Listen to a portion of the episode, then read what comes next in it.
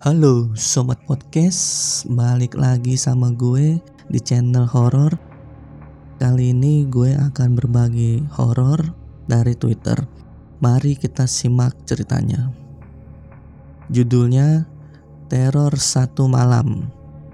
Ingat, sebelum mendengar cerita ini, pasang headset kalian, tutup pintu, matikan lampu. Cerita dimulai. Pada tahun 2016 menuju 2017, keempat sahabat ini, Ranti, Lia, Roy, dan Umi, nama ini disamarkan, pergi berlibur dan memutuskan menginap di sebuah villa di puncak Bogor. Sebelum berangkat, memang sudah ada firasat tidak baik bagi keempat sahabat tersebut, terutama Ranti. Ya, Tiba-tiba Ranti merasa kepala pusing dan perutnya sakit. Dia mencoba agar Ranti tidak usah ikut ke villa hari itu. Tapi Ranti kekeh ingin ikut bersama ketiga temannya. Lu yakin Ran masih mau ikut? Tanya Roy. Mending gak usah deh menurut gue. Lia mengimbuhi. Gak apa-apa, gue baik-baik aja kok, santai aja. Jawab Ranti.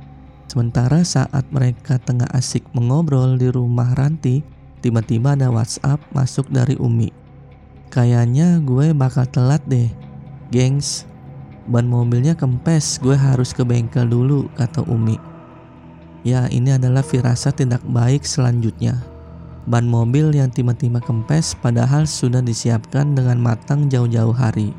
Bahkan mobil sudah diservis tiga hari sebelumnya sebelum kurang lebih 30 menit menunggu di rumah Ranti, akhirnya Umi pun tiba.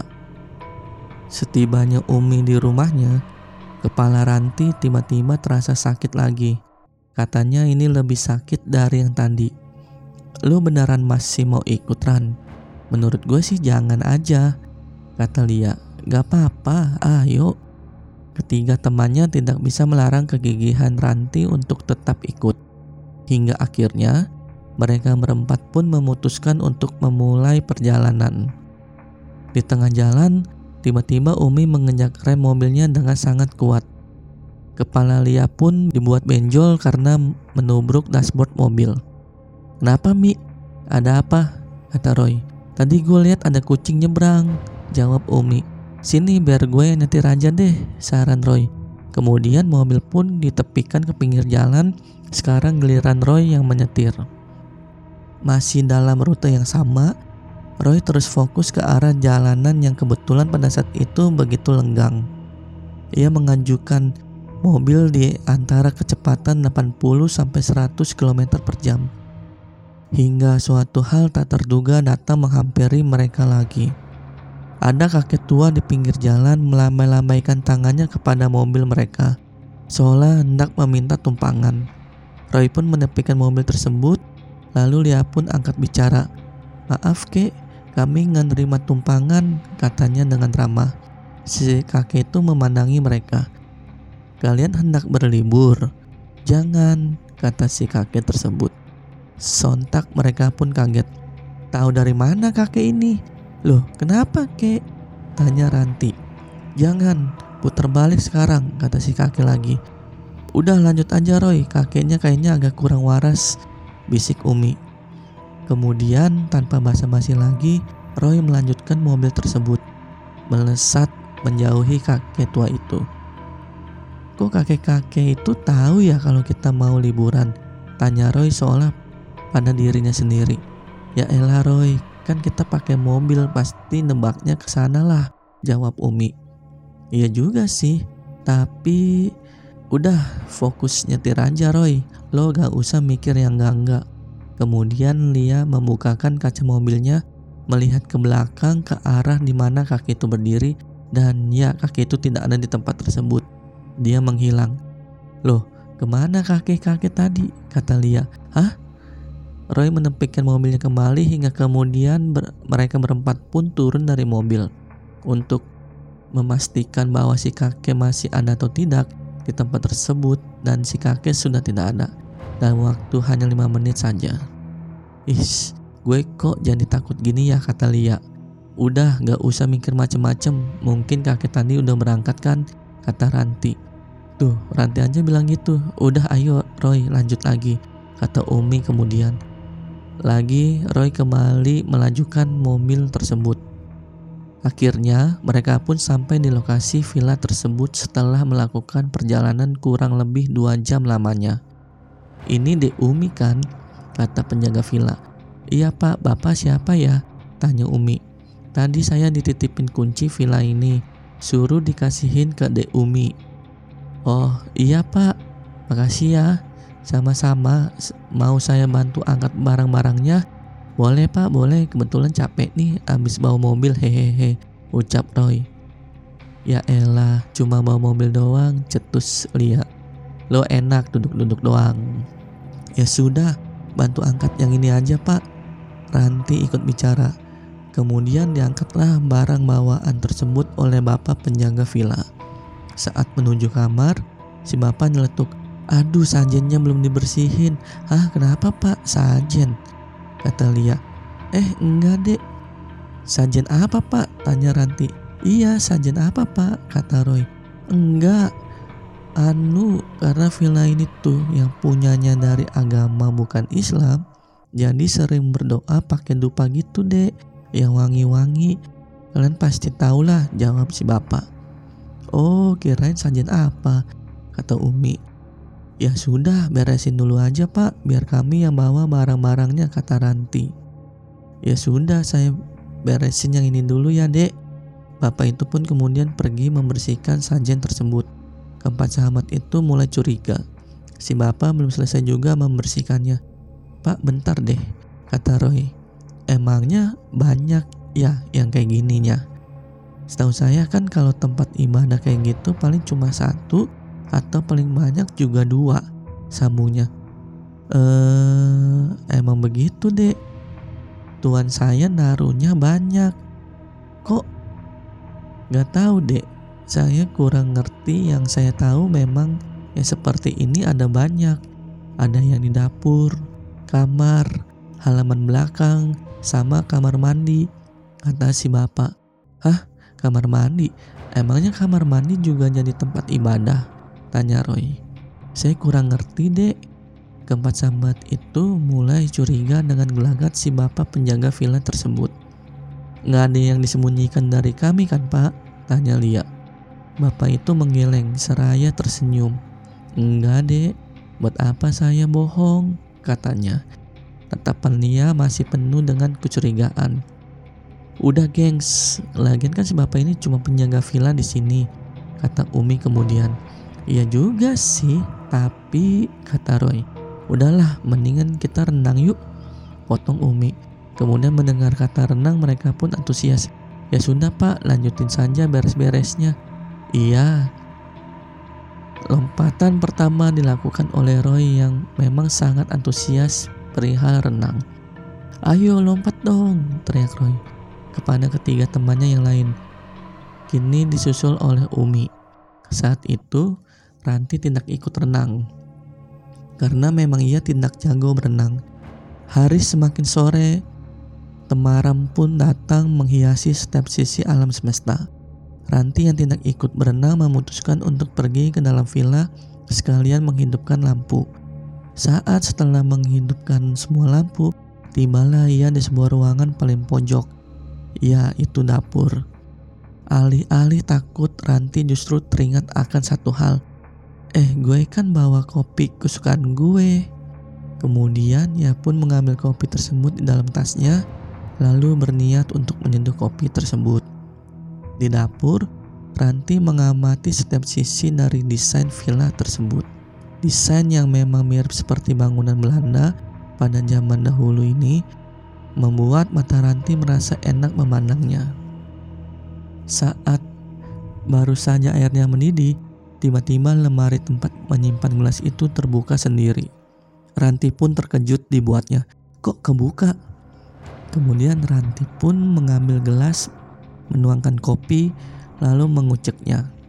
Posisi pada saat itu lemari tempat penyimpanan gelas belum ditutup oleh Ranti. Saat Ranti hendak menutupnya, tiba-tiba lemari itu menutup dengan sendirinya. Lagi Ranti dibuat terkejut.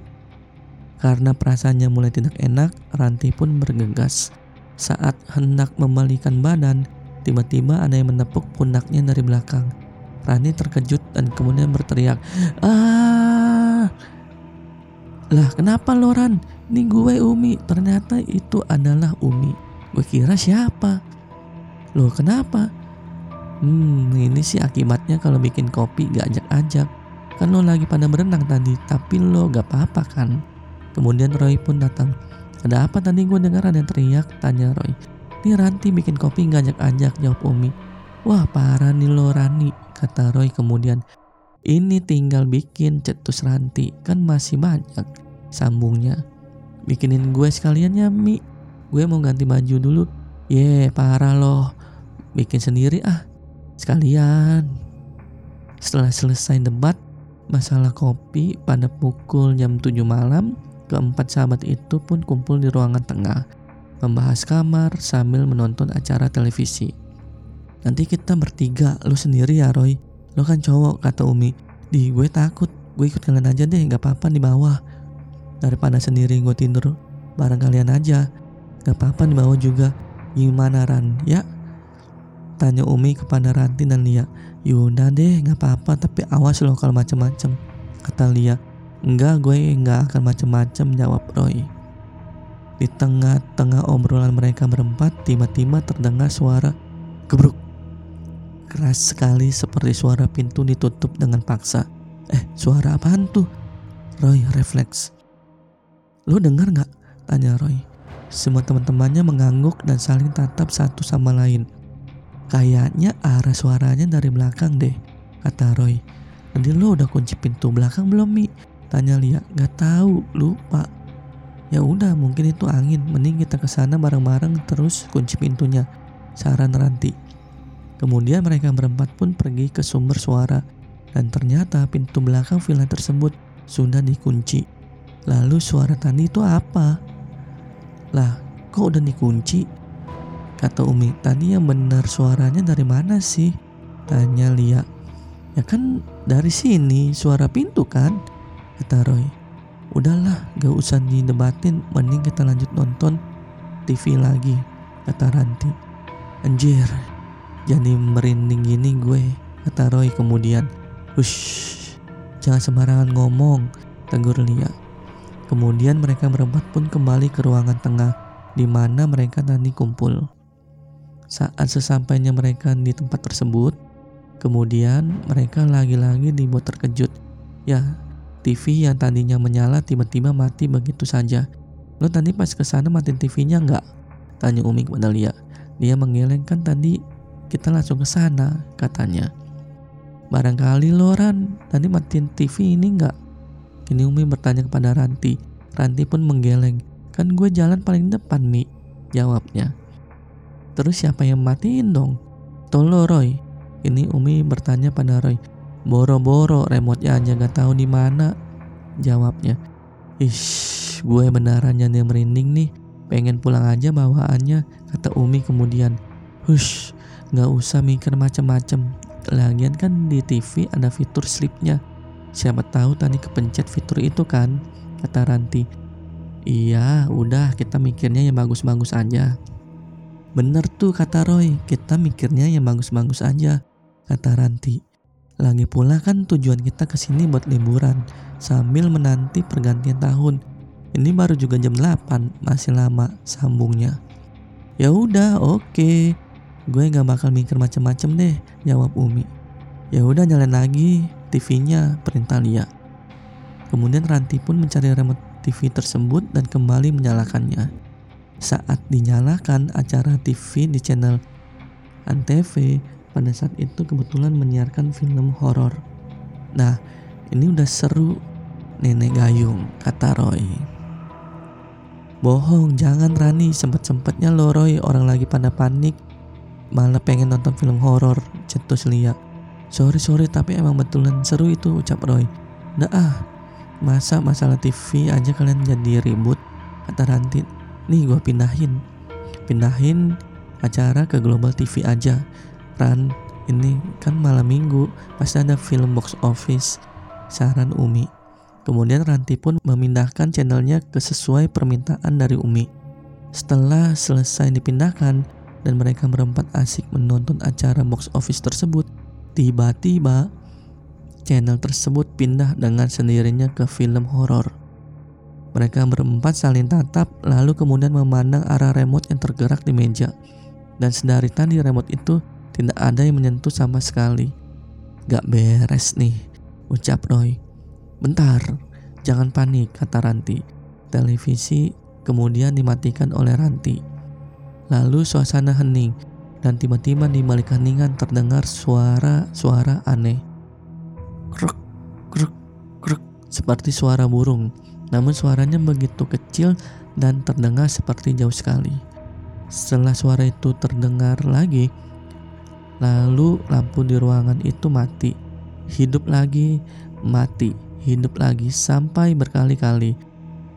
Ah, Umi berteriak. Semuanya panik dan menuju salah satu ruangan. Ya, di kamar. Mereka berempat kemudian masuk ke dalam kamar dan mengunci diri. Tenang, relax, ucap Roy. Tapi ya kelihatan panik, keringat membasahi dirinya. Tenang, semuanya tenang, ucap Ranti. Lia tak hentinya mengucap istighfar, sementara Umi menutup wajahnya dengan mantal. Mereka kemudian hening, dan di balik keningan tersebut, tiba-tiba Dor, dor, suara pintu kamar diketuk dengan keras. Umi menangis di balik wajahnya yang ditutupi bantal tersebut. Roy mulai panik dan ketakutan. Roy buka, perintah Ranti. Enggak, jawab Roy. Lu di sini laki-laki satu-satunya cepet buka, kata Lia. Buruan, ucap Ranti. Buka Roy, kata Umi dengan isak tangis. Kenapa sih selalu cowok, cetus Roy. Dan kemudian ia pun memberanikan diri untuk membuka pintu kamar tersebut. Pintu telah terbuka, Roy melihat sisi ruangan tengah yang gelap. Lalu ketika lampu itu hidup, dan ada sebuah penampakan sesosok makhluk yang tinggi besar. Anjing! Teriak Roy. Lalu pintu itu ditutup kembali. Kenapa Roy? Ada apa? Tanya Ranti. Kaki, ada kaki. Gede banget, jawab Roy. Tangis Umi semakin menjadi. Gue pengen pulang, kita pulang aja yuk, kata Lia. Suasana semakin tidak karuan malam itu. Ranti melihat jam di tangannya dan waktu itu menunjukkan pukul jam 11 malam. Dor, dor, dor. Pintu kamar kembali diketuk dengan keras, kini lebih keras. Gue pengen pulang, teriak Umi seraya terus menangis. Roy semakin risih dengan keadaan ini, ia berniat mengabari siapa pun yang dapat memberi mereka pertolongan. Tapi, ponsel mereka berempat tertinggal di ruangan tengah, di tempat mereka tadi menonton TV. Bangsat, gimana ini? ucap Roy, ia semakin panik. Tenang, santai, ucap Ranti. Lo santai-santai melulu Ran, keadaannya lagi kayak gini, kata Roy. Ya santai, berdoa. Mereka pun beramai-ramai mengucapkan doa, apa pun yang mereka tahu, apa pun yang mereka bisa. Sayang banget gue dulu gak pernah ngaji, gue nyesel, kata Roy. Hus, udah sebisanya aja, ucap Ranti. Kemudian suasananya mulai hening, netral kembali. Semuanya kembali merasa tenang. Lalu Ranti melihat jam di tangannya sekarang sudah pukul jam 11 lewat 45. Sebentar lagi pergantian tahun akan berlangsung. Ayo keluar. Sayang ini petasannya. Buat apa coba? Ucap Ranti. Lo udah gila ya Ran? Kata Umi. Kan tujuan kita ke sini buat ngerayain tahun baru. Jawab Ranti. Lo mikir dong, posisi kita lagi gimana sekarang? Bentak Roy. Ranti pun diam. Lalu di tengah keheningan ada suara kentongan Nampaknya itu adalah dari warga sekitar yang tengah menyambut tahun baru. Nah, ada warga. Ayo kita samperin, ucap Lia. Iya kalau itu warga, kalau bukan gimana? Cetus Roy. Ya gak usah berpikir negatif lah. Siapa tahu emang itu warga beneran kan? Udah ih, kenapa jadi ribut sih? Kini Umi mengeluarkan suaranya. Ranti justru hanya diam. Gimana menurut lo Ran? Tanya Lia kepada Ranti. Ran Ran kok lu malah diem sih? Ah lu si Roy malah bentak dia. Ranti jadi diem kan? Dia memarahi Roy. Tahu ah habisnya nih anak punya otak gak dipakai. Segala pengen main petasan lah, apalah, jawab Roy. Ran jangan ngambek lagi dong, bujuk Lia. Kemudian tiba-tiba Ranti menatap Lia dengan melotot, ia juga menatap Roy dengan tatapan yang sama. Eh, Ran, lo kenapa liatin gue kayak gitu, kata Roy. Ranti kemudian tertawa cicik-kikikan. Anjir kesurupan ya anak, teriak Roy. Pada malam itu, Ranti benar-benar di luar kendali. Bahkan ia pun sempat mencekik Lia hingga Lia susah untuk bernafas. Ran sadaran, istighfaran, kata Roy dengan terus mencoba melepaskan cekikan Ranti kepada Lia. Sementara itu, Umi hanya bisa menangis. Setelah cekikannya berhasil dilepaskan, Roy mengajak Lia dan Umi untuk bergegas keluar dari villa tersebut. Namun saat baru membuka pintu kamar, mereka dihadang oleh sosok tinggi besar yang sempat Roy lihat itu. Mereka menatap ke atas, matanya merah padam penuh dendam. Sementara di belakang mereka Ranti terus menjadi. Ia tertawa dan terus tertawa. Suara begitu nyaring di gendang telinga. Ayo lari keluar teriak Roy. Roy mencoba membuka kunci pintu depan namun sayang. Pintu itu sangat sulit sekali untuk ia buka. Saat ia mencoba untuk menobraknya, tangan ia merasa begitu kesakitan. Lia dan Umi berteriak, siapa pun yang ada di luar tolong kami. Namun tidak ada siapa-siapa. Suara kentongan yang mereka dengar pun mungkin hanya halunasi belaka. Mereka kemudian semakin terpojok. Ranti semakin mendekat dan memasang mimik wajah yang menyeramkan. Ran, istighfar Ran. Ini temen lo Ran, ucap Roy. Maafin gue kalau ada salah Rani. Maafin gue sambungnya. Ya Ran maafin Roy, kata Umi. Ran tiba-tiba Ranti jatuh dan tergeletak di lantai. Roy, Lia dan Umi pun menghampirinya. Ranti tak sadarkan diri. Jam pada saat itu menunjukkan pukul jam 2 pagi. Tahun baru sudah lewat, rencana liburan untuk senang-senang justru menjadi malapetaka bagi mereka berempat. Hihihihihihihi. Tiba-tiba ada sesuatu yang merah terbang.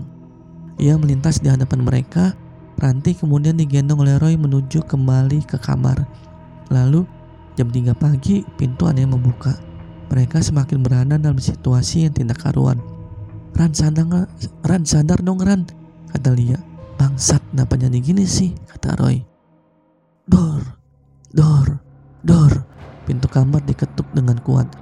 Ah, Umi lagi-lagi menjerit ketakutan dan menangis. Namun kemudian Jangan takut dek, ini bapak, bapak penjaga villa katanya di balik pintu itu. Kemudian tanpa basa-basi Roy langsung membukakan pintunya. Ayo dek keluar gawat keadaannya gak beres. Ini angkat teman kalian kata si bapak. Kemudian mereka pun bergegas. Saat di situasi seperti ini, Umi sempat-sempatnya lari ke ruang tengah untuk mengambil ponselnya yang tertinggal. Mi, ayo Mi, teriak Lia. Ah, teriak Umi. Ia melihat kuntilanak merah di ruangan tengah tersebut dan kemudian berlari. Umi hanya berhasil membawa dua ponsel, miliknya dan milik Ranti. Ponsel Roy dan Lia masih tertinggal di sana. Kemudian mereka pun bergegas keluar villa. Mereka lari-lari dan terus berlari. Hingga sampailah mereka di sebuah rumah yang kemudian mereka tahu bahwa itu adalah rumah dari si bapak penjaga villa. Diminum dulu, kata si bapak. Maaf ya dek, kata ibu-ibu. Itu adalah istri si bapak. Sebenarnya rumah itu kenapa? Roy terus ngegas. Sebentar biar bapak jelaskan. Kenapa? Ada apa sama rumah itu? Tanya Roy. Jadi villa itu memang berhantu deh. Hah? Kata Umi. Kemudian dia pingsan. Tolong dibantu dulu temannya, kata bapak kepada Lia. Kini Umi dan Ranti diistirahatkan. Oh, jadi tadi sajian itu buat pengusir hantu, tanya Lia. Si bapak mengangguk Sebelumnya perkenalkan nama saya Taslim. Saya jagain villa itu sudah lebih dari 20 tahun katanya. Terus kenapa bapak bohong ke kami? Katanya tadi itu buat tempat doa, ucap Roy. Maaf deh, maafkan saya. Saya sangat butuh uang buat pengobatan anak saya, ucap Taslim. Tapi nggak gini juga pak. Bapak bisa bahayain kami, tahu nggak? Bentak Roy. Udah Roy, tenang Lia. Kenapa lo bilang dia sih? Udah Roy, tunggu. Pak Taslim jelasin dulu. Maaf deh, saya ngaku bahwa saya salah. Iya, villa itu sudah kosong selama enam tahunan. Saya minta maaf sekali lagi. Saya akan ganti uang sewa kalian, tenang saja, kata Taslim. Mana anak bapak yang sakit? Tanya Lia. Ada di kamar, istri Taslim yang menjawab. Kemudian istrinya pun menunjukkan keadaan anaknya tersebut. Keadaannya begitu memprihatinkan. Tubuhnya begitu kecil, bahkan hanya tersisa tulang belulang. Astagfirullah ucap Lia menahan tangis. Roy tak sempat berkata-kata. Namanya Dinar. Kata dokter, dia terserang penyakit leukemia, ucap Taslim. Sekali lagi tolong maafkan suami saya ya, ucap istri Taslim dengan tangis. Gak apa-apa bu, saya mengerti keadaan kalian, jawab dia. Tak lama azan subuh pun berkumandang. Taslim pun mengeluarkan uang sewa mereka dan berniat untuk menyerahkannya kepada Lia. Gak usah, ini buat pengobatan anak bapak, kata Lia. Ya udah, pegang saja pak, kini Roy pun luluh. Makasih deh, makasih, ucap Taslim terseduh-seduh. Jam 8 pagi, Umi dan Ranti siuman. Mereka pun bergegas untuk pulang. Barang bawaan mereka sudah dirapikan oleh Taslim dan istrinya sebagai tanda maaf dan terima kasih kepada mereka. Dan ceritanya pun selesai. Teman-teman, terima kasih sudah mendengarkan podcast. Dan jika kalian suka, silakan di-follow. Dan mohon maaf jika penyampaiannya ada kesalahan